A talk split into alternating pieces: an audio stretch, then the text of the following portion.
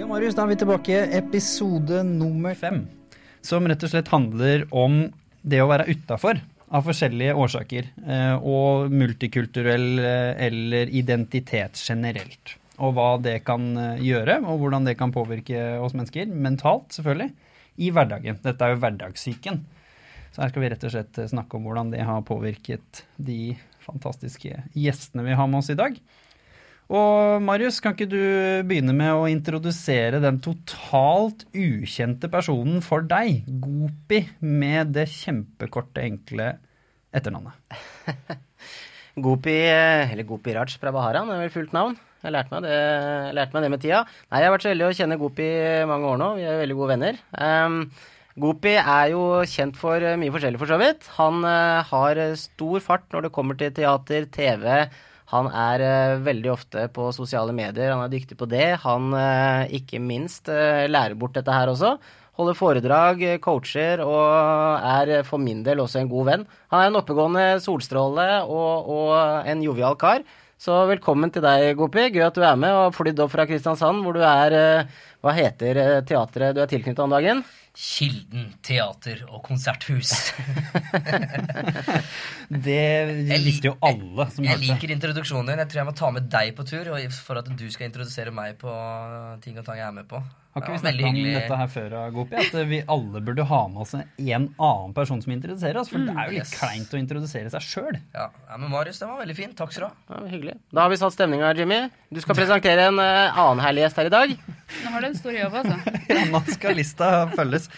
Vi har jo med oss eh, Hadi Jameh, som jeg var så heldig og fikk lov å møte for første gang face to face i dag. Men i 2019 så har vi kjent hverandre og fulgt hverandre sånn sett en stund på sosiale medier, som har gjort at jeg vet jo at du er generelt en veldig engasjert person som ikke er redd for å tørre å si det du mener, og også som har jo jobbet også, du både da med P3, som dere var eh, inne på her i stad, men du har også din egen .com, som, som det heter, som handler om ditt liv og, og dine tanker, hvis vi kaller det. Er det blogg? Er det liksom det som er det offisielle uttrykket for, uh, Ja, for det er kanskje en nettside, men også mer blogg. Jeg skriver mest tanker og sånn der, da. Ja.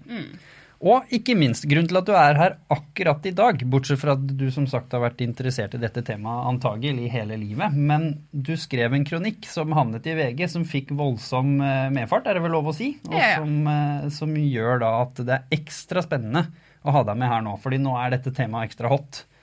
Og det som Marius glemte om Gopi, var at du har jo også brydd deg om dette temaet veldig lenge. Du har jo selvfølgelig også blitt intervjuet av The Human Aspect, som kommer ut nå ganske snart. Og der snakket du også om dette temaet, men du lagde en video som du kalte 'Utafor', samme da som dette også veldig fine rett og slett teaterstykket, hvor Faten og Josef og en del andre har vært med. Mm. Så kan ikke du egentlig bare begynne med å fortelle hvorfor, hvorfor lagde du og delte den nå? Dette er ikke noe du begynte å bry deg om nå.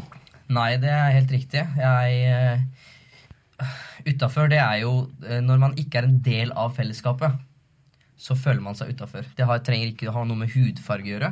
Det er bare man, eh, man som menneske ønsker å tilhøre et sted.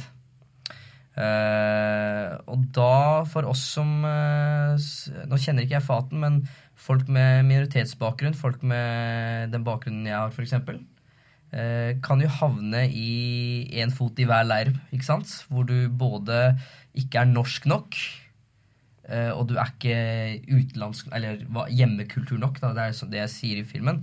Og da, når du ikke er nok for noen, så opplever du å havne utafor. Eh, og når du står utafor, så sitter du jo egentlig og ser på fellesskapet. Eh, og det over tid er ikke alltid hyggelig. Dette er jo noe jeg har kjent på lenge. Så er det jo spørsmålet hva man gjør med det. ikke sant? Noen eh, havner jo da i feil miljø for å komme inn i et annet fellesskap. Eh, og det er ikke alltid sunt. Noen eh, eh, Altså, det er jo ensomt, da. Symptomet for dette er jo at du blir ensom. Det er ikke bare at du er utafor, det er jo ensomt. Så, så jeg har jo, sånn som Alex, som blir med meg på kamera, og, og disse filmene jeg lager, eller om jeg, den art- Dagbladet-artikkelen jeg skrev i forhold til TV-serien Nesten voksen, eller, eh, eller intervju Altså de, disse temaene Grunnen til at jeg er opptatt av inkludering, er fordi jeg vet hva utenforskap kan føre til.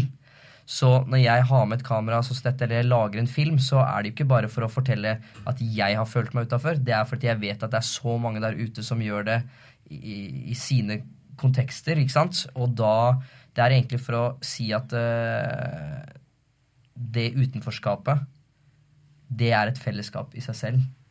Uh, ikke sant? Så du er, du er ikke aleine, da. Uh, det er egentlig for å betrygge de som sitter der og føler seg ensomme, om at de ikke er aleine. Det er flere. Og jeg trenger å få ut den, den beskjeden, eller det budskapet. Eh, fordi at eh, jeg vil ikke la noen stå der utafor aleine. Det er vel kanskje det ene vi fire har virkelig til felles, at vi alle engasjerer oss på forskjellige typer måter og prøver å vise at gjennom våre egne eller andres historier at ingen er aleine. Uansett hva du sliter med, uansett om det er fordi du ser annerledes ut, du føler deg annerledes, eller om du har blitt skada som gjør at du nå plutselig er annerledes og var innafor, men nå er du utafor. Hva er ditt forhold til temaet i dag, Marius? Det er jo en grunn til at vi episode etter episode velger å dra inn det velkjente eksempelet flokken. Og det baserer seg på at vi mennesker er flokkdyr, og når vi er flokkdyr, så betyr det at vi vil streve etter et fellesskap. Vi vil bli akseptert. Eh, det her sitter i, i ryggmargen vår, eh, for å holde på å si gulpe litt gammel info jeg har kommet med før, men det her, det her sitter nedarva i, i generasjoner om at du må bli akseptert av flokken. I gamle dager, så, eller i steinalderen, nå drar vi langt, da, igjen. Men da, da, gikk det jo på at du hadde ikke noen beskyttelse uten flokken. Du, du uh, kunne fryse i hjel, du kunne bli spist av ville dyr, altså alt det som var være utfordringer den gangen. Men det er noe i det, selv nå som vi har bykka 2019, og det, det er noe genuint menneskelig med å ville tilhøre en flokk, og det å ikke være en del av flokken det vil gjøre at uh, altså, hele, hele, kroppen din vil si ifra. Mm. Det er ikke bare hodet ditt, det er ikke bare psyken. Hele kroppen din vil si ifra at mm. det er noe som mangler. Mm. Og det er derfor jeg har begynt å Nå er jeg jo i Kristiansand, og det er jo uh, representert uh, veldig fint religiøst. og det er første gang jeg liksom forstår religion på den, den, den måten. Fordi at Jeg husker jeg, møtte, jeg spurte ei jente i produksjonen jeg var med nå, og hun er jeg vet ikke, 14 år eller noe. Mm. Så er liksom, når er det du bestemte deg for å og hvorfor, da, eh, i den religionen du representerer. Eh, og hun svarte bare veldig kort. Tilhørighet. Ikke sant? Så man, man, man trenger å tilhøre et sted. Det er varme i det stedet du I det fellesskapet. Og, og alternativet er å stå utafor. Og, og, det kan være jæskla tomt, det kan være slitsomt, det kan, og det er ensomt. Uh, og, og, jeg ser at når jeg uh, er i den posisjonen jeg er i nå, da, om jeg kan si det sånn, at jeg har en stemme. Og, og jeg er ikke noe kjendis, og jeg er ikke noe men at jeg ser at det, Du er ikke kjendis, Kopi. Jeg, jeg, er ikke kjendis. Marius er kjendis. Du er kjendis. Marius er kjendis. Jeg, jeg, det, er ingen, det, er ingen, i Norge som vet hvem jeg er. Men det er ikke poeng. Poenget er at eh, jeg ser at de tingene jeg gjør Jeg ser at sosiale medier, jeg ser at uh, film, jeg ser at uh, den plattformen som man er med på å skape og har, da, som alle egentlig har Vi har alle en medie i lomma. Jeg ser at det kan samle det utenforskapet inn til fellesskapet. Mm. Uh, og det er sykt viktig. Ikke sant? Det er, det, er liksom, det, er, det er, viktigere nå enn noensinne. Og det er også lettere å gjøre det nå enn noensinne. Så, Hvorfor så. gjorde du det nå, Hadi? Hvorfor skrev du denne kronikken nå? For det er jo ikke første gang du har tenkt på det her. Eller første gang du snakka om det heller. Men hvorfor valgte du å skrive akkurat denne kronikken når du gjorde det da på slutten av året i fjor? Ja, nei, Det er eh, som sagt ikke første gang. Men uh, jeg var vel egentlig bare etter jobb og satt og tenkte litt over hverdagen og hva man møter på. Og satt og tenkte på at jeg faktisk aldri får en dag fri uten å måtte forholde meg til at jeg ser annerledes ut. Eh, og det fikk meg egentlig bare til å begynne å skrive og reflektere litt over hverdagen og hvordan det egentlig har vært. For det er ikke jeg som har fortalt meg selv eh, at jeg ikke tilhører eh, Norge. Men jeg har alt blitt fortalt at jeg er annerledes. Eh, og at jeg er utenfor, selv om jeg i utgangspunktet ikke har følt meg utenfor. Men fordi at du har blitt fortalt at du er utenfor hele tiden, så begynner du også Det kommer til et punkt hvor du også begynner å føle deg utenfor. da og da må forholde deg til det. Og lære deg jo hvordan det er å være utenfor og forsøke å komme inn igjen. Eller skal man forsøke å komme inn igjen i fellesskapet, eller skal man stå utenfor og akseptere at man er utenfor og danne sin egen klan, eller ta, finne stolthet i det. Så det har på en måte vært um, vært, eh, som du snakket om dette med identitet og hvordan det påvirker eh, osv., så, så har det vært en, en, kamp man har egentlig måttet kjempe hele tiden. Eh, fra barndommen av, da. Men jeg skrev det egentlig litt for å, for å, bare få ut tankene mine. Og jeg hadde ikke noen intensjoner om at det her skulle gå viralt i det hele tatt. Det var bare når jeg satt og skrev på kvelden. Eh, men så viser det seg at det er faktisk flere som sitter med de samme tankene og også kunne kjenne seg igjen i det, det jeg skrev. da. Eh, ja, og Det er derfor det spredde seg sånn, sånn det gjorde.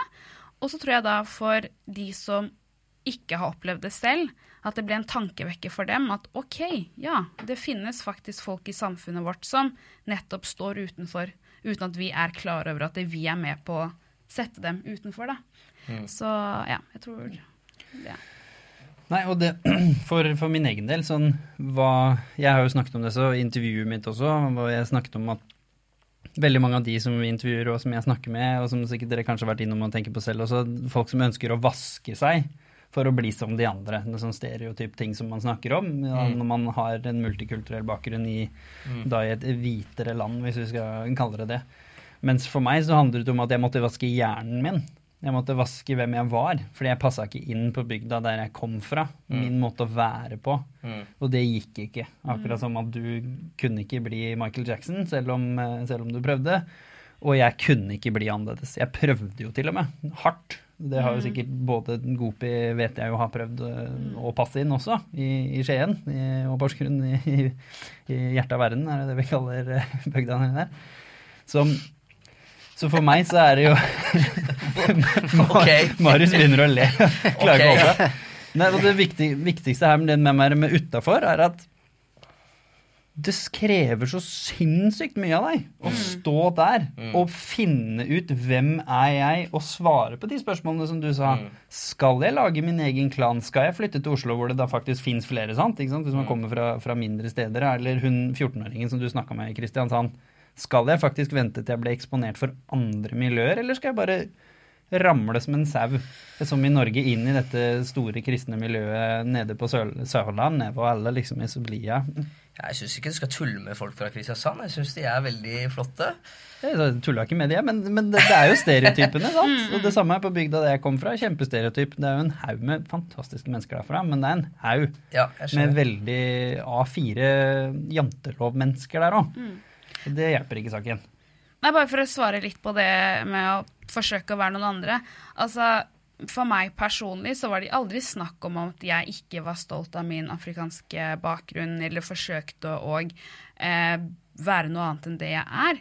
Eh, eller forsøke å, å overkompensere med, med, å være hvit eller norsk eller noe sånt. Men eh, det er veldig vanskelig å forklare, men for meg så var det Jeg var begge deler. Eh, hvorfor skal jeg ikke få lov til å være en afrikansk jente som er født og oppvokst i Norge, også en del av det norske samfunnet? Og sånn var det også for de som vokste opp rundt meg. Vi, jeg hadde naboer fra Marokko, fra eh, Pakistan, Island, Norge. Altså, vi var fra overalt. Eh, og for oss så var aldri det spørsmålet om er vi norske eller fra Gambia. Vi er. Vi bare er de vi er. Så hvorfor kan ikke andre også akseptere at vi er de, de, de vi er, da? Hvorfor er, ikke, hvorfor er, det ikke, stort nok rom for det? det? det? husker jeg når jeg begynte å engasjere meg i det her. Det var noen venner av meg som er født i Norge, som er mer norsk enn meg hvis vi snakker om stereotypen, personlighetsmessig, mm. begynte å føle seg utafor. Mennesker som ikke før har følt seg utafor, før det politiske klimaet begynte å endre seg, og før mm. dette plutselig ble veldig hot igjen, og hvor alle mulige komplekse ting som ikke vi nødvendigvis trenger å gå inn på akkurat nå, gjorde at de begynte å måtte forsvare, som du sier, at de var norsk. Mm. Og her snakker vi om mennesker som var norsk etter men, alle hva? kunstens regler. Vi, jo, men nå snakker vi om liksom det stereotypet ja. med at du er født i Norge med en ja. Men hva er det å være norsk? Det er å velge å være norsk, spør du meg. Jeg yes. vil ikke være hva, norsk sånn sett, men for, for meg er det det. Det å være norsk, hva, hva er liksom for Norge har jo ikke alltid vært sånn som Norge er nå.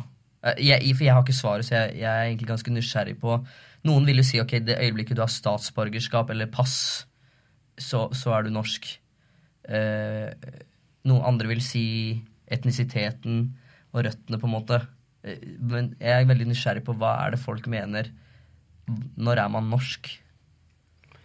Siden du ser på meg, så får jeg ta svaret. Eh, jeg ser på deg, Marius. ja, nei, um, Du er det norskeste her. Du er men- nei, men det jeg tenker, da, ikke sant? Altså, ja, man kunne svart litt sånn uh, Holdt på å si med glimt i øya. Ja, det er når man begynner å like brunost, eller når man spiser kjøttkaker til middag, eller eh, eh, det er det ene eller andre i den retning. Men det jeg tenker mer på, når man eh, Ikke kanskje nødvendigvis eh, kategorisere til når man er norsk, men når er det man tilhører eller føler seg hjemme i det området man er i. Og det tror jeg må bli når man kommer på et nivå hvor det føles helt naturlig når man kommer på et nivå hvor det ikke er anstrengende å være i området, da har man allerede blitt såpass integrert. Da har man mest sannsynlig eh, kanskje lært seg å beherske språket eller kommunikasjonen. Man har eh, kanskje fått eh, noe fundament med et nettverk rundt seg. Det kan være alt ifra at man blir kjent med postdama først til hvor det skal starte en. men da har man fått et fundament. Så jeg tror når man kan senke skuldrene og begynne å slappe av, og begynne å heller komme i en sånn fase hvor man blir opptatt av hvilke muligheter har jeg rundt meg nå. For da har man klart å bytte, eller altså vri sinnet sitt over på noe som er sunnere igjen. Men det er jo ikke noe fasit. Det er nettopp dette. og, og jeg tror at det er her problemet oppstår. Fordi at eh, jeg har full empati for det Marius sier, men det er der på en måte også problemet oppstår. Fordi at det er Når familien min kom til Sunnmøre, da, de var veldig komfortable altså de, var, de hadde skuldrene senka. Men det er ikke sikkert nordmennene, nabolaget, hadde skuldrene senka. Så jeg har et veldig konkret eksempel. Faren min eh, hadde jobba seg opp. Eh, han er jo egentlig ingeniør, prosessoperatør, og eh, endelig liksom skulle kjøpe enebolig oppe i Sunnmøre. Og så fikk de boligen, men så sa naboen at eh, han ville veldig gjerne at det ikke skjedde. Eh, hvorfor det? Eh, han var veldig imot det. Han mente at hvis familien min flytta inn til det nabolaget, så gikk prisen på hans bolig ned. Så faren min var jo veldig komfortabel. Han hadde jo ikke noe mot. Skuldrene var senka, men allerede der blei du skvisa ut med at du eh, skaper mindre Altså, du vil, du vil være en belastning, da. Eh, så, så jeg vil jo egentlig si at eh, er, det egentlig, er, er det bare integreringsarbeid, eller er det egentlig inkluderingsarbeid også? For det, det er jo ikke bare at den ene parten du, Forstår du hva jeg vil med dette? At mm. Det er ikke bare det at, eh, at eh, Oi, jeg klarer ikke å forholde meg til dette, så nå må jeg lære meg å spise brunost. Så nå bare setter jeg det på spissen. Det er jo egentlig Klarer du å forholde deg til den annerledesheten som kommer rundt deg? Og hvis det er du som på en måte eh, har skuldrene her oppe, så, så Skjønner du hvor hvor jeg vil hen? Men før vi går eh, inn i det, så skal vi jo ha litt eh, faktum. Så kan vi jo spinne litt rundt det etterpå. Først og fremst det vi snakker om utaforskap. Gopi har allerede vært innom det. Når man havner utafor, så blir man sårbar. Det snakket vi jo også om vi snakket om i mange episoder, hva som kan skje med psyken din da. Dette er jo det forskning viser. Er du sårbar, er du lett opptakelig for en del ekstreme, konservative, stereotype miljøer. Yes. Da snakker vi om Dette er IS snakker om dette selv. Vi snakker om da kriminelle miljøer. Vi snakker om ekstremt religiøse miljøer. Vi snakker om mildere religiøse miljøer. Generelt steder hvor man blir akseptert, endelig, for den man er. Fordi det er en del av en form for opptakssystem, eller filosofien, eller verdiene til det miljøet. Så det kan være positivt, og det kan være negativt. Eller det kan være fotballklubben, som plutselig er inkluderende. sant? Så faktum er, havner du utafor, øker sjansen for trøbbel. Sant? Hvis vi skal liksom dra dette til det som alle driver og gnåler om i, i mediene, som er, eller det eksempelet ditt også, så flytter, eh, flytter familien din inn her, så går prisen ned. Det tas jo fra den konteksten der. At du er mindre verdt, eller skaper trøbbel, eller trekker ned Du verdien. tilhører ikke her. Du tilhører ikke her. Yes. Så det er et problem for samfunnet hvis det ikke er plass eller rom for det. Sant? Det er jo et utgangspunkt man fleste er enige om. Og så kan man jo diskutere herfra inn i neste år, som Gopi sier, om hva som gjør deg norsk eller ikke. Men hvis du f.eks. snakker med amerikanere, selv om det er et forferdelig ubrukelig eksempel å bruke om dagen, for der er det ikke mye bra som foregår om dagen, men de fleste amerikanere som jeg har snakket med eller intervjuet, som, som har jo blitt en del, sier at det har de aldri snakka om. De har aldri snakka om de er amerikanere eller ikke. Det de har snakket om, er om de blir godt behandla eller ikke. Så der er jo plutselig det med rom for alle, det har egentlig aldri vært eh, diskusjonen. Selvfølgelig for noen udugelige mennesker så har det vært diskusjonen, men for dem selv så har det ikke vært sånn som i Norge hvor man begynner å snakke om er hun norsk nok, eller man begynner å snakke om hva er norske verdier, som er det mest fascinerende jeg noen gang har vært eh, borti. fordi har du vært i Marius, da, som har reist mye, eller Simen Almås, som var her, og Gopi også, som, som har reist mye i Norge, det er jo ekstremt forskjellig rundt omkring i Norge. Som i alle andre land. ikke sant? Så det er det ene elementet. Det andre elementet er du finner ikke noe fasitsvar på hva som gjør deg norsk eller ikke norsk. Og så kommer det det store, spennende elementet. Hvordan skal vi sørge for at det å være en del av samfunnet, om det er i Kristiansand, om det er i Norge, eller om det er i Oslo, eller om det er i dansemiljøet, eller hvor nå enn det er, alle vi som er der, som du er inne på, hva kan vi gjøre for å sørge for at det er akseptabelt. At det er akseptabelt å stå utafor, tenkte du på? Nei, akseptabelt å være med. Med, Hvordan skal vi få økt den sirkelen? Fordi det er jo det som alle de forskningen peker på, at hvis vi skal forhindre Det, det farlige. eksempelet Ja. ja, sånn som Norge, for å liksom dra det ekstreme og holde oss til tall igjen, da, holde oss til fakta. Norge er et av de landene i verden hvor flest mennesker i forhold til folketallet reiser til ekstreme krigsherja land og bidrar på da den såkalte terroristsiden, hva nå enn det skulle bety. Eller Afghanistan eller Syria, som jeg har vært og jobbet for Leger uten grenser. Og jeg har jo snakket med både de som har vært en del av IS, og Taliban, og spurt hvorfor de var med der. Og det er fryktelig sjelden at det har med en eller annen religiøs overbevisning om, eh, som, som det de prøver å fortelle oss i media. Mm. Det handler om utaforskap. Det, det handler det om at de ikke passa inn, ikke følte seg som en del av nettverket, Yes, om det var yes, farge eller yes. hjerne eller hva det var. Helt riktig. Det, er, Så, det, nok fakta. Hva skal vi gjøre med saken? det beste eksempelet er faktisk det Marius uh, gjorde med meg når vi møttes eh, tidlig. Du vet sikkert hva jeg skal si, men eh, jeg har Så lenge jeg har bodd i Norge, så har jeg faktisk ikke vært på fjelltur da Jeg har vært det nå, men eh, jeg hadde ikke vært det da når jeg møtte Marius. Eh, jeg kjente ingen i gjengen til Marius, og så inviterte han meg til en Hemsedal-tur. Man bare vite at Jeg visste ikke hva Hemsedal engang var. Altså jeg, visste, jeg skjønte at det var en location. Eh, jeg forsto ikke konteksten. Du, du, hadde, du visste ikke om ryktet til Nei, for, nei fordi at Hemsedal. Hemsedal var så Det var ikke dette Hemsedal var så far-fetched fra meg, men det var bare det var ikke det, var ikke det fjellet eh, verken foreldrene mine tok meg med til. Jeg sier ikke at andre foreldre tar, tar med barna sine dit heller, men det var bare Fjelltur var ikke jeg, jeg tror ikke du finner ett bilde av meg utenom Hemsedal på fjellet.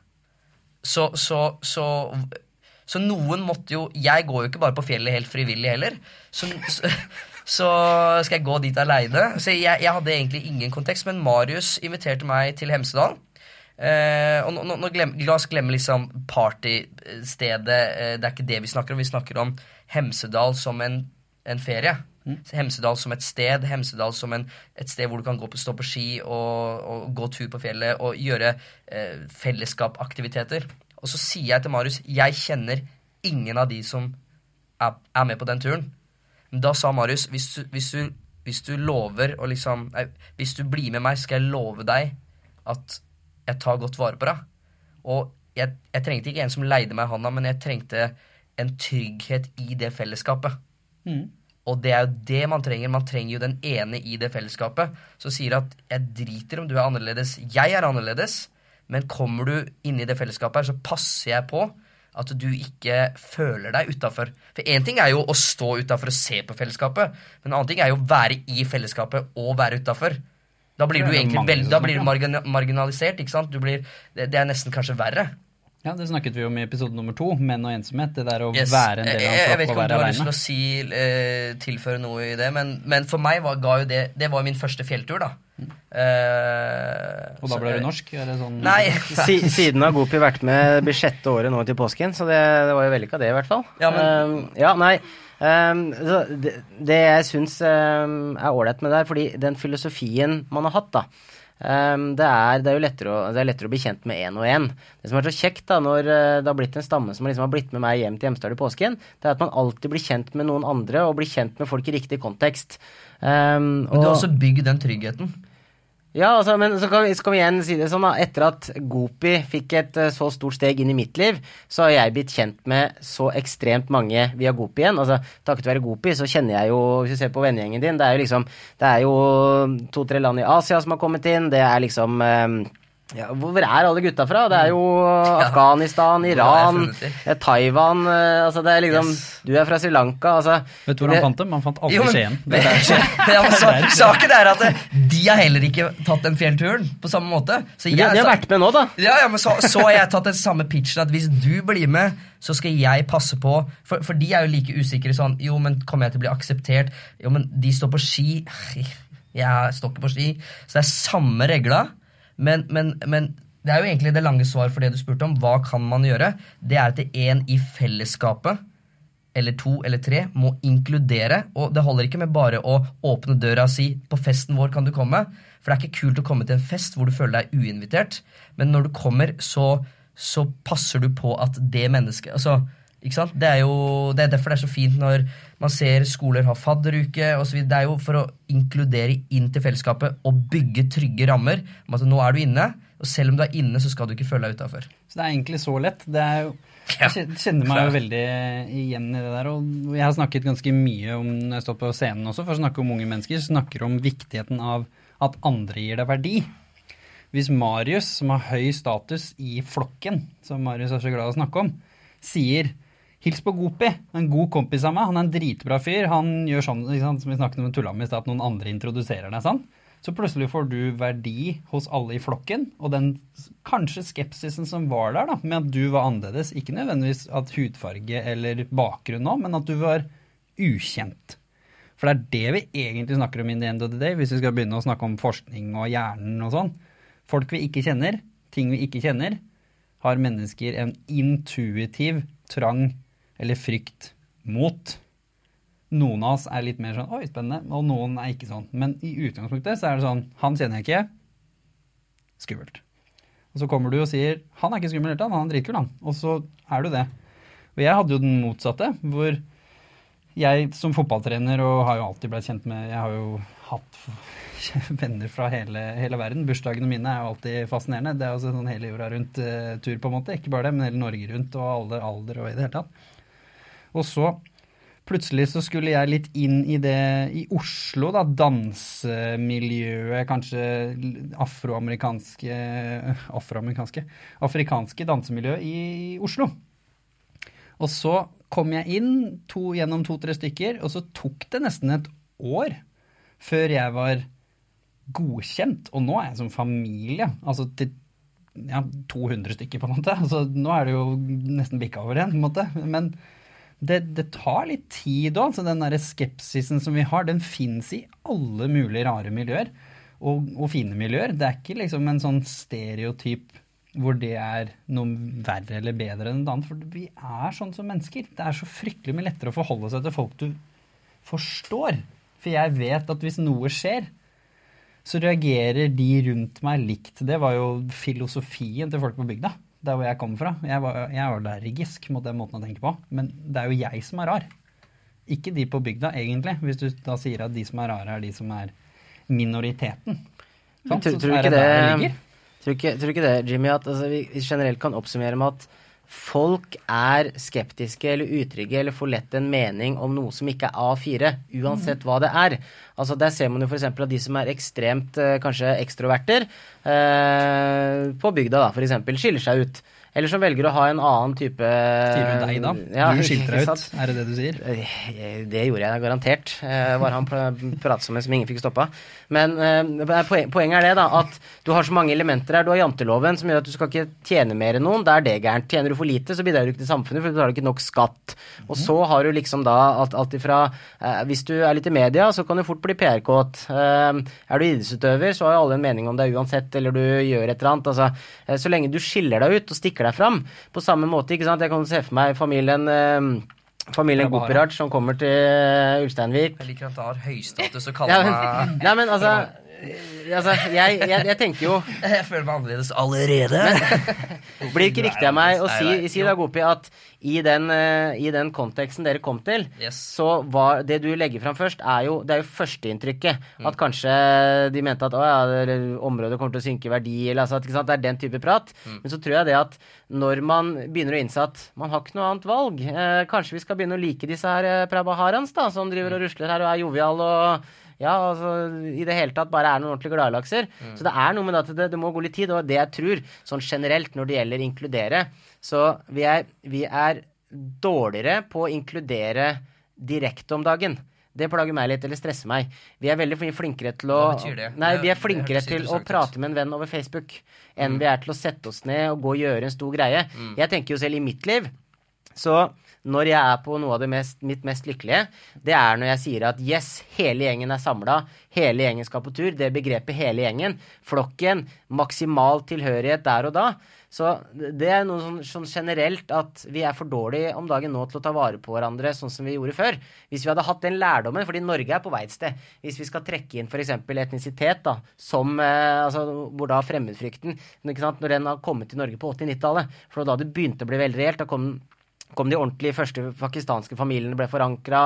Eh, ja, det er akkurat det. ikke sant? Og så har det bare bulla seg på med tanke på at det har vært forskjellige kriger og forskjellige land som har slitt, og, og det har vært mye utfordringer. Men jeg mener jo at på sånn generelt nivå, altså, så, så har vi jo, i hvert fall sånn jeg har sett det fra, fra TV-skjermen og det jeg har lagt merke til i oppveksten, så har det jo blitt bedre. Det er jo ikke bra, men det har blitt bedre. Men så tenker jeg at hvis vi kan også da tenke på hvordan vi, eh, hvordan vi passer på fellesskapet uten at det kun er digitaliseringa vi bruker som midler. Skjønner du hvor jeg vil hen? Og ikke minst det som, som skremmer meg, da, som jeg sa i stad, at ja, det blei bedre. Men nå er det verre. I hvert fall i Oslo. Og det er kanskje det som er skummelt, er at nå er det nesten bedre på de bygdene som har lykkes. Fordi de fleste jeg kjenner, og vet hvem er, da. Og det er jo, i denne konteksten er det hundrevis av mennesker som jeg har snakket med om denne tematikken her.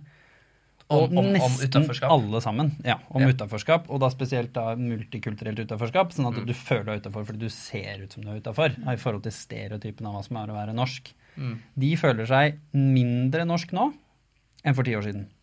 Og det er det også en del undersøk spørreundersøkelser som har blitt gjort i, i Norge av forskjellige typer organisasjoner som, som er opptatt av dette, Antirasistisk Senter og liksom sånne type ting. Og hvorfor går trenden den veien nå? Det gir jo ingen mening. Så du opplever en regresjon og ikke en progresjon mot uh, Men på Ja. det mentale aspektet. Da Eh, snakker vi ikke om det fysiske aspektet. Fysisk sett så har det vel vært altså, Mm. Da snakker om rettigheter og snakker om det å skaffe seg jobb og snakker om muligheter og sånn. Så har det vel aldri vært bedre. Sånn rent på papiret. Mm. Juridisk sett og sånn i det hele tatt. Det gjelder jo kvinnerettigheter og, og homofile rettigheter og alle rettigheter er bedre nå. Det er jo ikke noe vits å snakke om engang. Men i praksis, og den opplevde følelsen av det, så har det blitt verre. Er det, sies det. Altså, det er faktabildet. Du har jo skrevet litt om det. Nei, jeg skulle si nå at jeg er helt enig i det du sier, og jeg kjenner meg veldig godt igjen i det. Det har faktisk blitt mye verre, og det tenker jeg har litt mer med også hvordan folk som ser annerledes ut, blir fremstilt i media. Rett og slett. Det gjør kanskje da at frykten i, hos det norske folket og samfunnet eh, stiger. Eh, og at man tenker ok, ja, de ser ut som de på TV som vi blir fortalt er farlige, kommer fra eh, ikke helt forstår dette med f.eks. likestilling osv. osv. Så, videre. så derfor må også naboen min som ser annerledes ut, som jeg egentlig ikke vet noe ting om, også være farlig. Mm. og det gjør da at man da føler seg eh, Hvis du sitter og er den naboen som er annerledes sånn som meg, da, at du føler deg utenfor, fordi du, du får ikke plass uansett. Du kan komme og motbevise hver dag om at du ikke er sånn, og du er eh, egentlig som alle andre, men du blir fortalt via media og andre at du er farlig eller annerledes, og du ikke hører hjemme. Så da er jo spørsmålet egentlig ok, hvem sitt ansvar er det å få majoriteten i Norge for eksempel, da, som tenker sånn, hvis det er sånn de tenker, eh, om at jeg er farlig eller ikke. Er det jeg som skal fortsette å motbevise det hele tida? Eller skal eh, de som tenker sånn, plukke opp en bok eller starte en samtale eller Nei, men hvis du skjønner hva jeg mener, da. Og faktisk gjøre arbeidet med å få en bredere, eh, en bredere forståelse av, av mennesker. Er ikke, er ikke problemet her at det blir en selvoppfyllende profeti? Én ting er at de andre, majoriteten, hva nå enn det betyr, de da som føler at noen ikke passer inn, og som lar seg påvirke av, eh, av mediene, og som ikke er så heldige å f.eks. følge gode rollemodeller som, som Gopi eller deg, da. Men problemet blir jo når du velger å endre deg, nå bruker jeg deg som et eksempel, og skal begynne å bevise at du er god nok. Fordi det eneste du ender opp med å gjøre, er at det blir en selvoppfyllende profeti. Fordi på et eller annet tidspunkt så kommer du til å feile, og nå bruker jeg anførselstegn for de som ikke ser på, og så blir det verre. Mm. Istedenfor at du eller Gopi eller hvem nå enn, meg eller Marius eller andre som har følt seg utafor, bare fortsetter å være oss selv og viser de gode eksemplene. Fordi jeg har en sånn litt vakker eh, historie som både er negativ og positiv om min egen familie. Min eh, stefar eller fars eh, mor, stereotyp norsk kvinne som aldri har hatt noe med utenlandske personer å gjøre, annet enn på NRK og TV 2. Sant? Mm. Plutselig så ble jo det som du forteller, bildet veldig mye mer negativt vridd. Det eneste bestemor visste om saken, var negativt. Mm. Aldri snakka med noen. Mm. Har ikke hatt noe behov for det. Og det er ikke hennes jobb heller å gå rundt og begynne å hilse på masse utlendinger på gata. Bare 'hei, du jeg har lyst til å bli kjent med en utlending', jeg, bare fordi jeg skal widen my perspective, liksom. Og så havna bestefar på et hjem på litt finere delen av Oslo. De hadde liksom, Nå har bestefar på hjem, de har jobba beinhardt hele livet, da skal han i hvert fall bo fint. Sant? Bare norske som jobba der. Han mistrivdes så han nesten holdt på å svime av. Og så ble han flyttet. flyttet. ja, han, hadde, han han mistrivdes. Altså, Ja. Servicen var dårlig, var likte ikke sykepleierne, ja. hva det enn skal være. Selv om det var fancy sted. Mm. Så ble han flytta til Sagenehjemmet. Der er det jo folk som jobber fra alle mulige steder, sant? men pga. den yrken også, så er det nok kanskje flere da, multikulturelle de gangene jeg var der, som jobber der, enn de såkalte stereotype norske. Og plutselig så ble de eksponert for de beste sykepleierne han hadde vært borte i sitt liv. Og både bestefar og bestemor endra synet sitt over natta. Plutselig. Fordi det som er så magisk med menneskehjernen vår, er at en sannhet er kun en sannhet, og du får ett motbevis. Da faller hele korthuset. Hvis du plutselig blir kjent med én person som motbeviser sannheten din, så kan du ikke si at alle som ser ut som Gopi, de er litt småkriminelle. Nei. Så der tenker jeg at det som er helt fantastisk Altså, du er småkriminell, men Jeg er småkriminell. Jeg jo, men det er, er derfor jeg er så stolt av deg, Gopi. Og, og, og alle de andre jeg kjenner som er rollemodeller som, som bare sier fuck janteloven. Jeg er så mye eller lite norsk jeg bare vil, eller junkies og alle de andre, alle som jeg kjenner, som sier jeg er litt gambisk, jeg er litt norsk, jeg er 100% norsk, men bare oppfører meg rart. Mm. Men jeg er meg, og beviser at det er bra for de som ønsker å oppleve det, og i hvert fall er en bra bidragsyter til samfunnet på gode ting. Alle vi som sitter her, ønsker jo å gjøre verden til et bitte litt bedre sted for én person eller for tusen. det er veldig hyggelig at du sier, og det er jo Det, det setter jeg virkelig pris på. Det, man tenker ikke over det når man sitter der eh, aleine og lager filmer og flyr rundt på holder foredrag. Man tenker jo ikke over det i, i det hele tatt. Men, men det er derfor jeg syns det er så viktig da, at, at jeg har Alex som blir med på ting. Fordi at eh, jeg tror på at eh, vi eh, som skriver historier Historier påvirker hvordan vi ser på verden. Ikke sant? Og, og vi mennesker, vi skaper disse historiene. Så, så, så hvis vi ikke ser den riktige Hvis vi ikke får de riktige perspektivene, hvis vi ikke får disse perspektivutvidelsene, hvis, vi, hvis ikke jeg forstår hvordan Hadi føler det, hvis ikke jeg forstår det, så, så kommer jeg alltid til å bare dømme hun ut ifra mitt ståsted.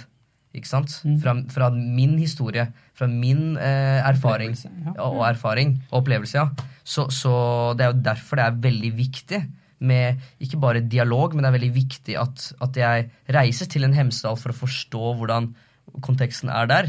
Men da har jo Marius også lært hvordan mine venner også er. Det er jo derfor det er viktig å vise dette eh, ting jeg gjør Uh, og det er ikke dette jeg, gjør- jeg gjør ingenting som er spesielt. Det er ingenting ved det, de tingene jeg gjør som er spesielt, men det at andre som føler seg utafor, får lov til å se det, skaper en, en tryggere rammer. Jo, det er jo det jeg mener, da. Mm. Du, du, du prøver ikke å ape, du prøver ikke å gjøre noe annet. Du prøver ikke å bevise noe. Selvfølgelig driver det deg litt, jeg kjenner deg jo. Jeg vet jo at det driver deg litt at folk tror at du ikke kommer til å lykkes. Det var jo sånn du antagelig lykkes under første Jeg livnærer meg på det. Ja, og det, det er litt fint. Og det, det gjør Det gjør jo jeg jo. Det, det tror jeg vi alle gjør. Nå, nå, nå, For de som ikke ser podkasten her, så dylter jeg borti Marius.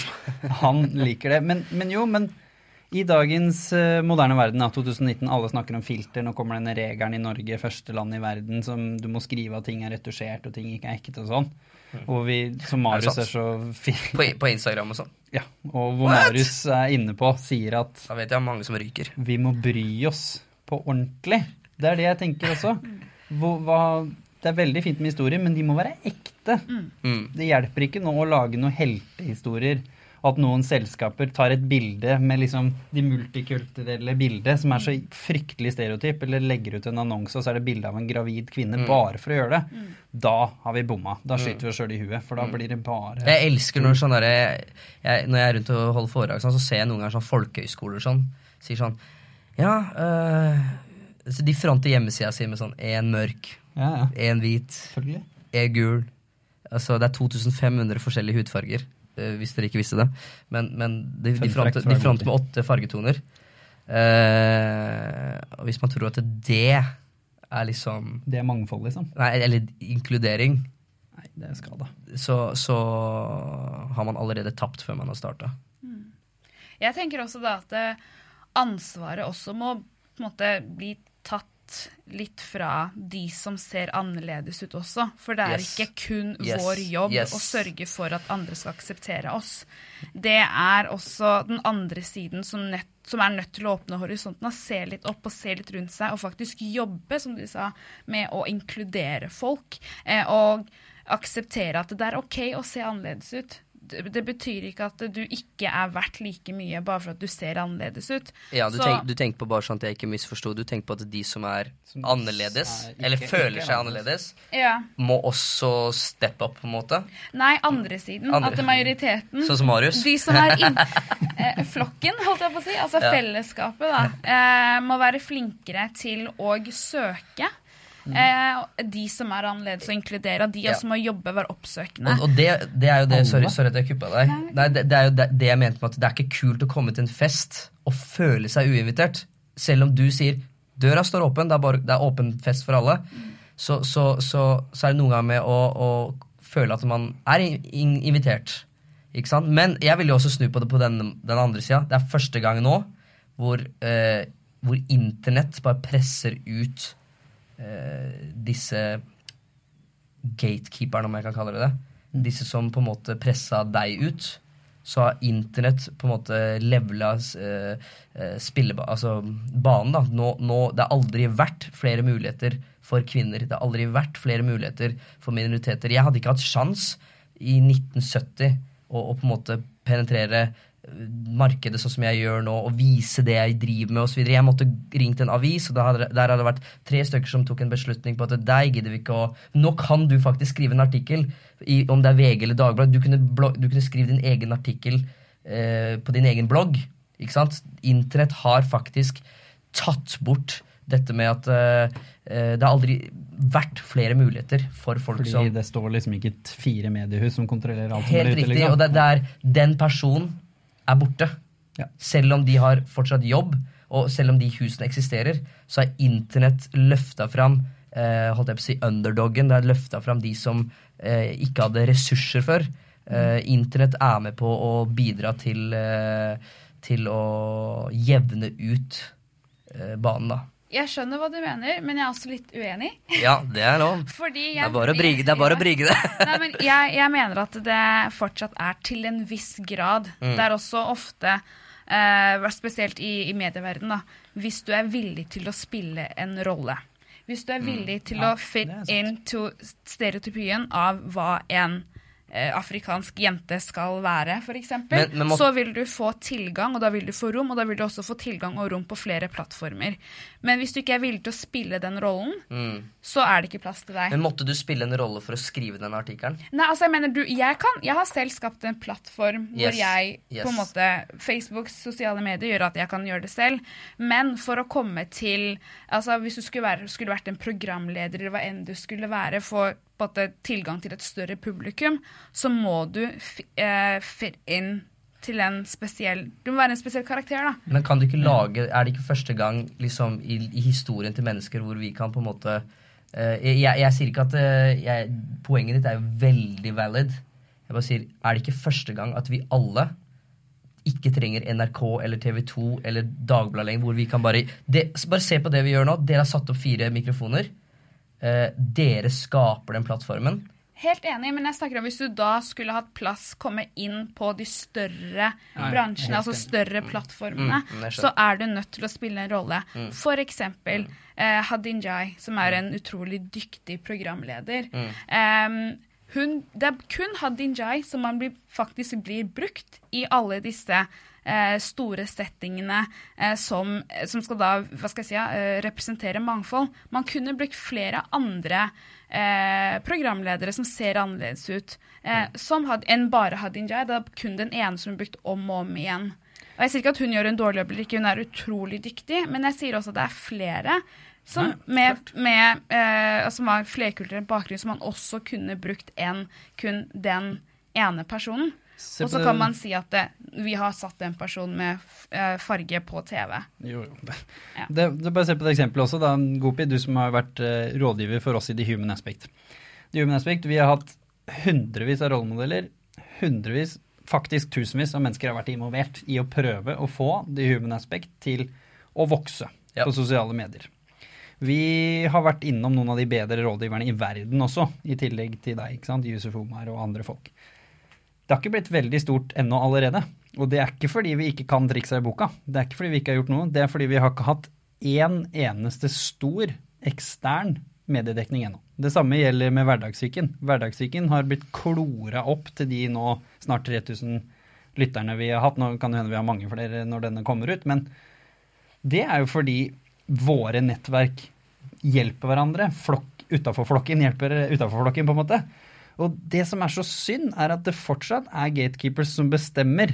Ikke sant? Nå kjenner jo du du- og jeg og noen andre av disse største opplever, verden. så du opplever en strukturell marginalisering? Du kommer bare til et visst punkt, da, Mm. og du kan ikke bestemme det.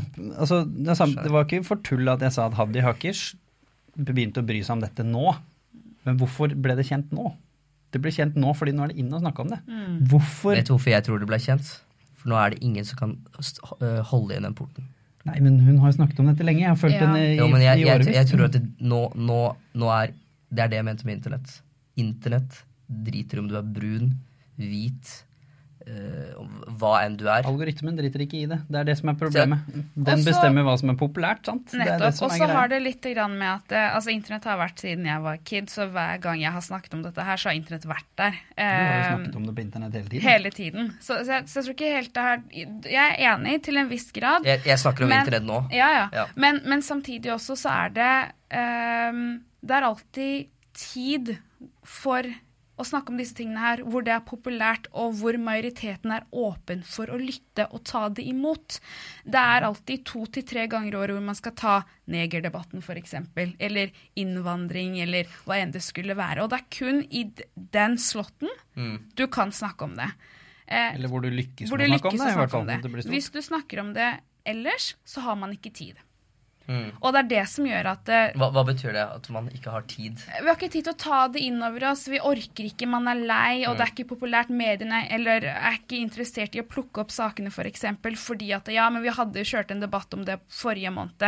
Vent lite grann. Eller det har ikke skjedd noe stort i verdensbildet eh, hvor det er populært nok til å snakke om det. Nettopp. Sant? Kaste seg på noe stort i verden. Da Ja. får du, altså Longtail er jo et anerkjent markedsføringsuttrykk. Mm. Som eh, Marius kjenner veldig godt til innenfor markedsføring og salg. Hvis, du, hvis noe stort skjer, du kaster deg på den debatten da så det er ikke, Vi skal være helt åpne og ærlige på det. Det er ikke tilfeldig at Hverdagssyken starta nå, som den gjorde.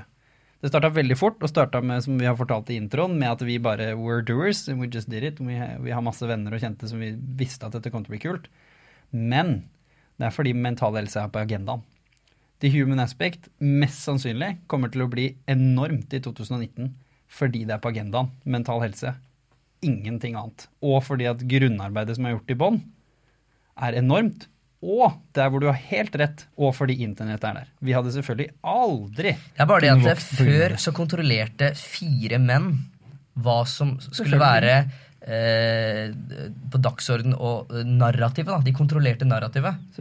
Nå kan man sette opp fire mikrofoner som dere har gjort, snakke om tema som er viktig, og så kan publikum der ute, uten at noen står i veien, bestemme om er dette noe vi vil snakke om nå, er dette noe vi vil være uenig i, diskutere, eller er, det no, er dette noe vi vil dele, eller ikke. Men de må gidde. Hadde, vi stått på, hadde det stått på VG i morgen Dette da, dette er et perfekt eksempel. Hadde det stått på VG i morgen, på forsiden av VG i morgen Hadde Gopi, Marius og Jimmy liksom Norge, Nye Norge diskuterte utaforskap.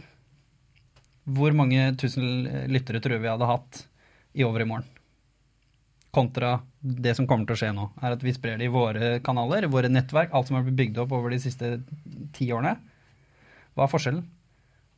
Du vet jo svaret, selv om selvfølgelig Jeg mener du har rett. Ja. Det er mye bedre nå, og vi må bruke plattformen. Det gjør vi fire som sitter her. Så det Det er er, det, er det, er, det er ikke det bare det er men bedre, men det er fortsatt en ingen som står i veien lenger. Eh, Jeg føler at det, eh, Altså, jeg forstår at selvfølgelig hvis du får CNN til å liksom dele det innlegget ditt, så, så vil det ha sin effekt.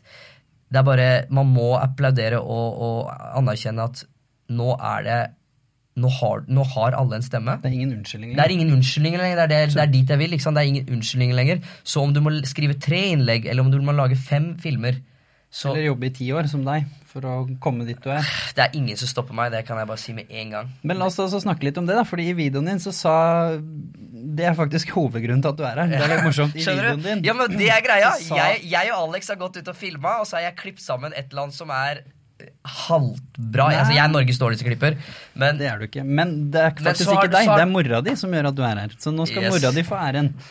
Mora di hadde sagt, når du sutra til mamma, så sa mora di 'skjerp deg', sa hun. Yes. Og så kom hun med sin historie. Og dette er et veldig viktig aspekt å ta inn nå på slutten av dette her. Fordi grunnen til at vi som sitter her utafor alle de jeg har intervjua som har vært homoseksuelle, vi snakker om nomann for å snakke om folk som virkelig har tråkka sporet i Norge, sant? for andre. Det er folk før oss som har gått sporet, som har satt scenen for oss, pluss internett, pluss alt. Så det ligger et ansvar på oss rollemodeller til å gjøre noe med det positivt. Så hva kan vi si om det? Den derre Det farligste nå, som skjer nå, tror jeg personlig, er at den selvoppfyllende profetien gjør at en hel haug av oss som føler oss utafor, tar offerrollen. Da er det game over. Absolutt. Hvis ikke vi hører på mora di, som sier 'skjerp dere', og vi hører på deg, Gopi, som sier 'det er ingen unnskyldning', let's do it. Fordi det er ingen som kan stoppe oss. Fordi det er ikke, det er ikke sånn at 70% av Norges befolkning plutselig ble rasister. Det tror jeg ikke noe på. Det er ikke det som har skjedd. Det er at mediene har Nå er det et forvridd bilde, og det må vi få stoppa. jeg ser etter Marius har lyst til å si noe her. Ja, nå sitter jeg og bobler her. Fordi nå har jeg virkelig lyst til å løse et verdensproblem eller to.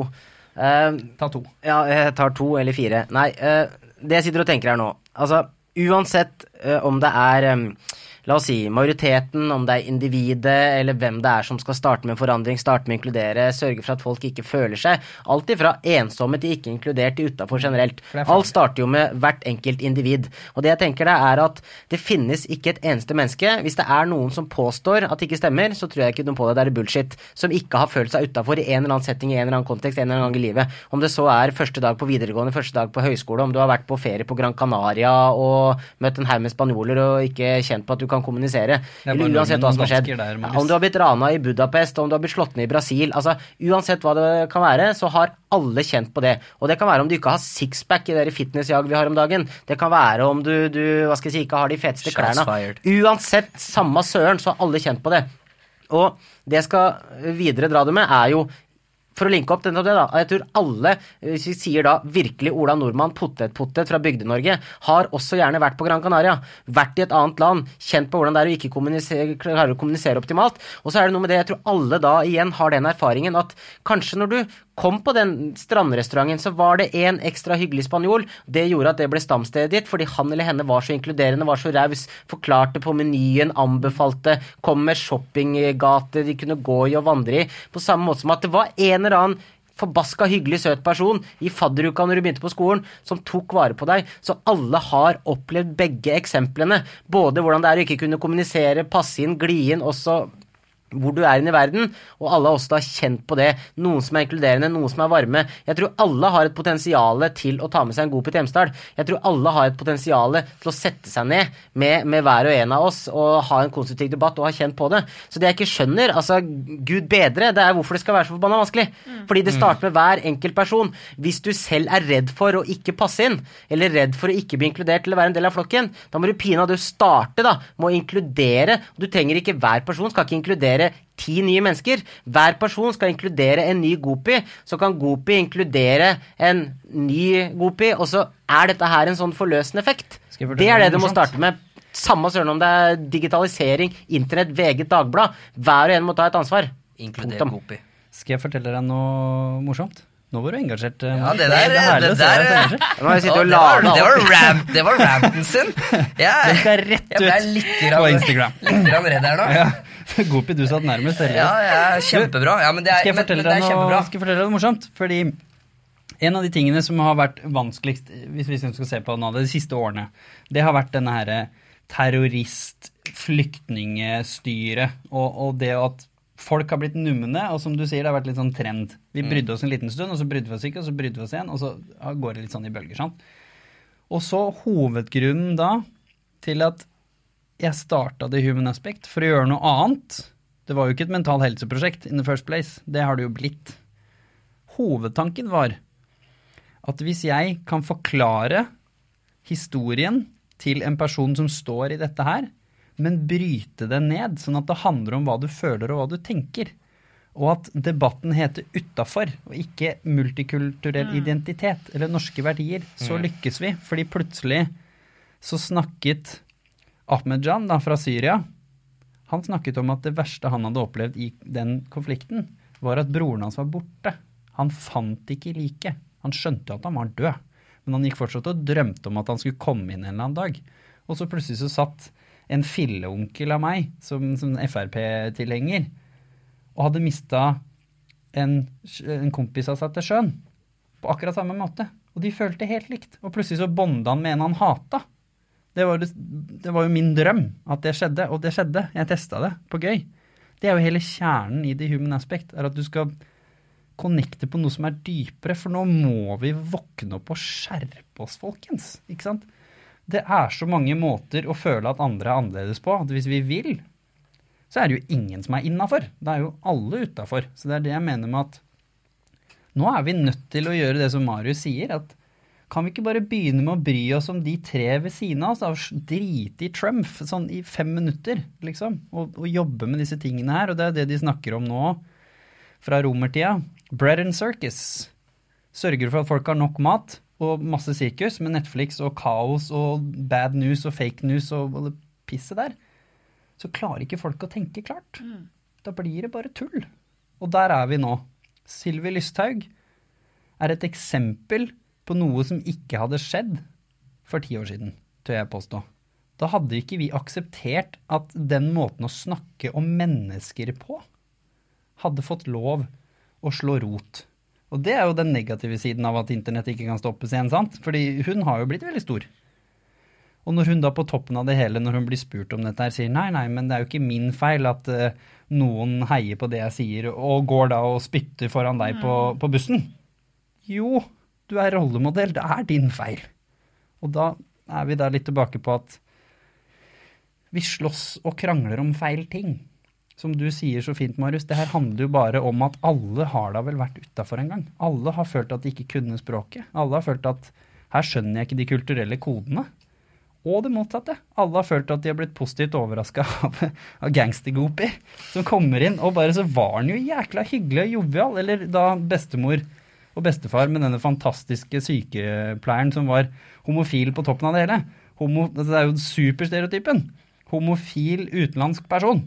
Som for mine besteforeldre var jo liksom Det, det fantes jo ikke i deres hode, på en måte. Og så var det favorittsykepleieren deres. Og plutselig så var hele verden dem snudd opp ned. Det er faktisk så enkelt, folkens. Og Poenget er jo ikke at du skal ikke bry deg om ti stykker samtidig. Du skal bry deg om én og én og én, eller én, to og litt tre. Mm. Du skal bry deg om noe som er et antall du faktisk klarer å beherske. Og da, altså, In det- face, da. In Altså, face. Og det, ta det eksempelet ditt Jimmy, når du, når du begynte med dansen. Altså Du sa at det, det var jo 100 eller 200 afrikanske majoriteter. Altså, som, så da, du kjente jo på det på en ekstrem måte, og det har tatt såpass lang tid. Men hvis det hadde vært én eller to med afrikansk bakgrunn, da hadde det vært noe helt annet. Da hadde det vært løst mest sannsynlig på en uke. Sånn så, der, ja, så der har du litt av den floka, da. Så det er sånn, altså, nå, Dette kommer til å høres nesten litt flåsete ut, men det er bare sånn hvis du, hvis du sliter med hvordan du skal gjøre det, eller sliter med fremmedfrykt, ja, men vet du hva, start da med å bli kjent med en eller to som har en litt annen bakgrunn og en litt annen vinkling på livet enn deg. Du trenger jo pinadø ikke gå ned midt på grønlandsleiret og ta alle impulser en gang. Start med noe du kan kontrollere, uansett hvilket nivå det er, til og med om du er rasist. Prøv å bli kjent med noen som ikke er helt som deg selv. Og det, det handler like mye om altså, det, det, det, altså Jeg blir så jeg blir så oppgitt. For det, er, det er så enkelt. Bare sånn Jeg har et spørsmål om det, for det er ganske interessant. Det er jo, det er jo veldig bra Det er jo veldig bra ting som kommer her, ikke sant? Men jeg bare lurer på Har Trenger eh, den personen som eh, eventuelt har en sånn fremmedfrykt for et eller annet Det har ingenting med hudfarge å gjøre, det er bare et eller annet Annerledesfrykt. ja, som ba, bare, bare, bare, bare en der. er.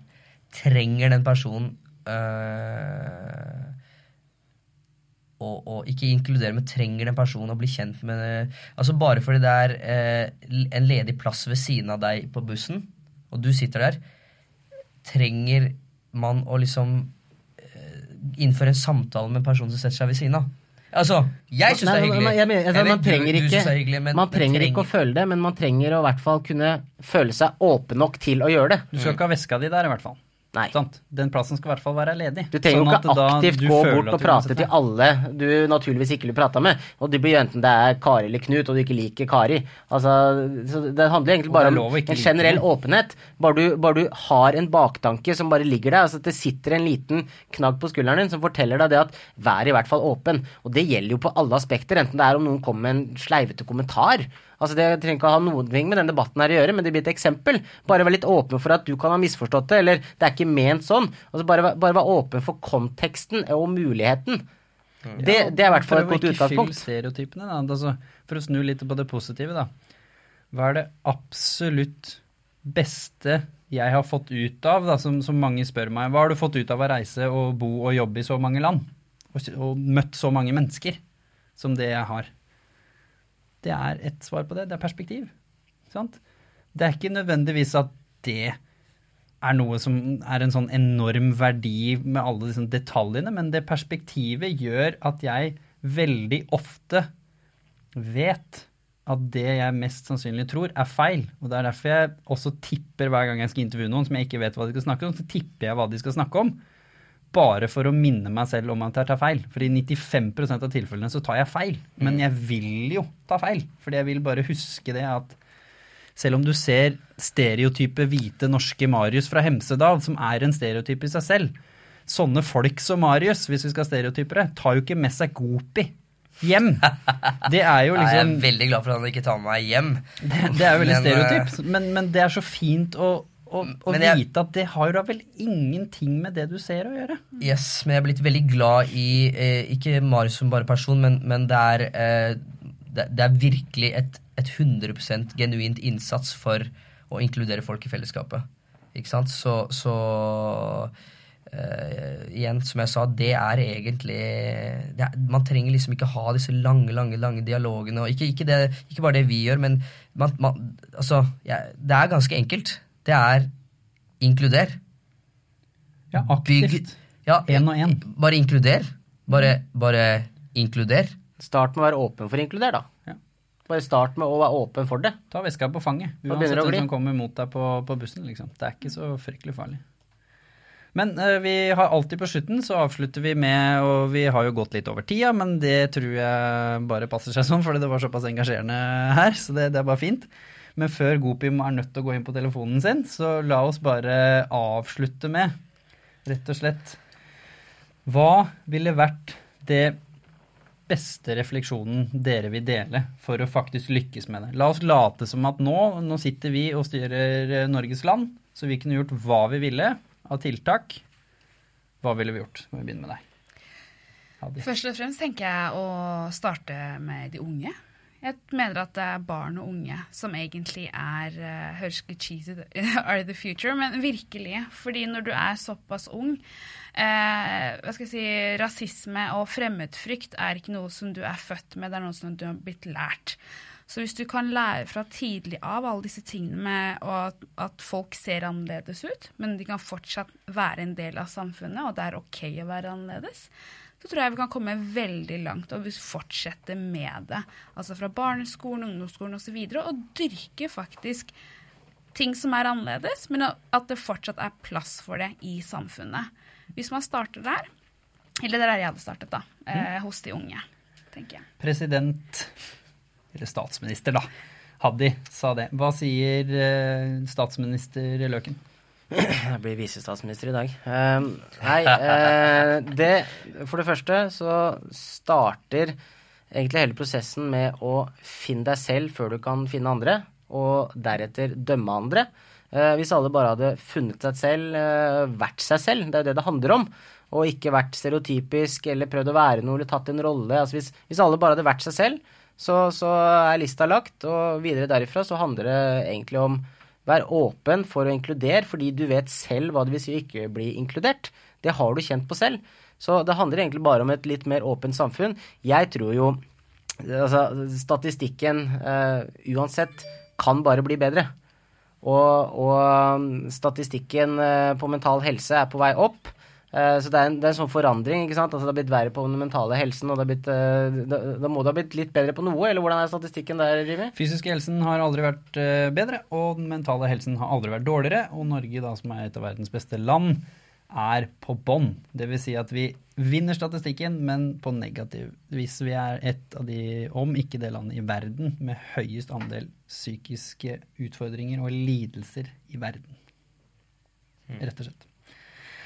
Eh, presidenten av hele verden, Gopi, hva ville du gjort? Nei, jeg tror det er eh, så enkelt som faktisk at uh, narrativet må omprogrammeres. Det er så enkelt. Og hva mener du med det? Det betyr at uh, hvis du hvis jeg, jeg, kan spørre deg hvem oppdaget USA? Altså, Jeg vet jo at det er Leif Eriksson, men ja, Hva heter, hva heter hva he Columbus? Yes, Det er det narrativet som er blitt lært. Mm. Det går ikke an å oppdage et land som allerede er oppdaget, for det bodde andre der mm. før Columbus kom. Men noen har fortalt historien, altså narrativet, mm. at det var Columbus som Ikke sant? Nå, nå, nå setter jeg det ganske på spissen her. Men eh, hvis jeg spør f.eks. barn hvordan ser julenissen ut, så vil de tegne en hvit julenisse med skjegg. Det er et narrativ. det, må, eh, det må omprogrammeres. Det, så det må speile samfunnet sånn som det er. Og der sitter folk som skriver historier, om det er media, om det er film, om det er TV, om det er tegneserier, om det er bøker Jeg vet ikke Altså, det som er kultur, da, uh, har et sinnssykt uh, Har en sinnssyk mulighet til å omprogramme narrativet sånn som samfunnet egentlig er. Og det kan speiles. Og hvis det gjør det, fra barnehagen til barneskolen, til ungdomsskolen, til videregående, til eh, voksenlivet, så tror jeg at vi begynner å se på ting sånn som det egentlig er, eh, på en inklusiv måte. Spennende. Jeg skrev uh, en artikkel en gang hvor jeg hadde et uh, svakt uh, positivt øyeblikk, hvis jeg kan kalle det det. Vi snakket om rollemodeller i stad. Heltene våre, de det er filmer om i dag, de kjempet for og døde for å skape et system som dømmer deg ut ifra dine handlinger. Det er det demokratiet er bygd opp på. Det er det rettssystemet vårt er bygd opp på. Du blir dømt ut ifra hva du gjør ikke hvem du er, eller hvor du kommer fra, i utgangspunktet. I hvert fall da i Norge. Det som er viktig for meg, og som jeg vil fokusere på, er at nå er vi i en ny tid. Nå må sånne narrativ og ord som kamp, de må gravlegges. Vi er ferdig med det. Fordi på den fronten så har vi kommet i mål. Nå er vi nødt til å snakke om hvordan er dette i hverdagen. Nå er vi nødt til å sette et nytt narrativ hvor vi rett og slett bare er oss selv, som du sier. Jeg er annerledes, Haddy er annerledes, Gopi er annerledes, Marius er annerledes, Markus Lidmann er annerledes, og kameramannen er også Alex. annerledes. Alex. Han er veldig annerledes. Nei, han er veldig annerledes. Jo, men nå må vi rett og slett, som vi har sagt så mange ganger i nesten hver episode, nå må vi bare tørre å være oss selv, gravlegge den janteloven en gang for alle, og rett og slett Vi trenger ikke å snakke om et inkluderende samfunn. Vi kan bare være et inkluderende samfunn. Oss, individene. Og så vil dette sakte, men sikkert, forhåpentligvis med de unge, som du påpeker så veldig fint, bare bli borte av seg selv. Fordi da er det bare en dårlig historie. Hvor den gangen hvor Gopi ikke var norsk. Fordi det blir bare forhåpentligvis, drømmer jeg om, da. Et eventyr en gang. Ja.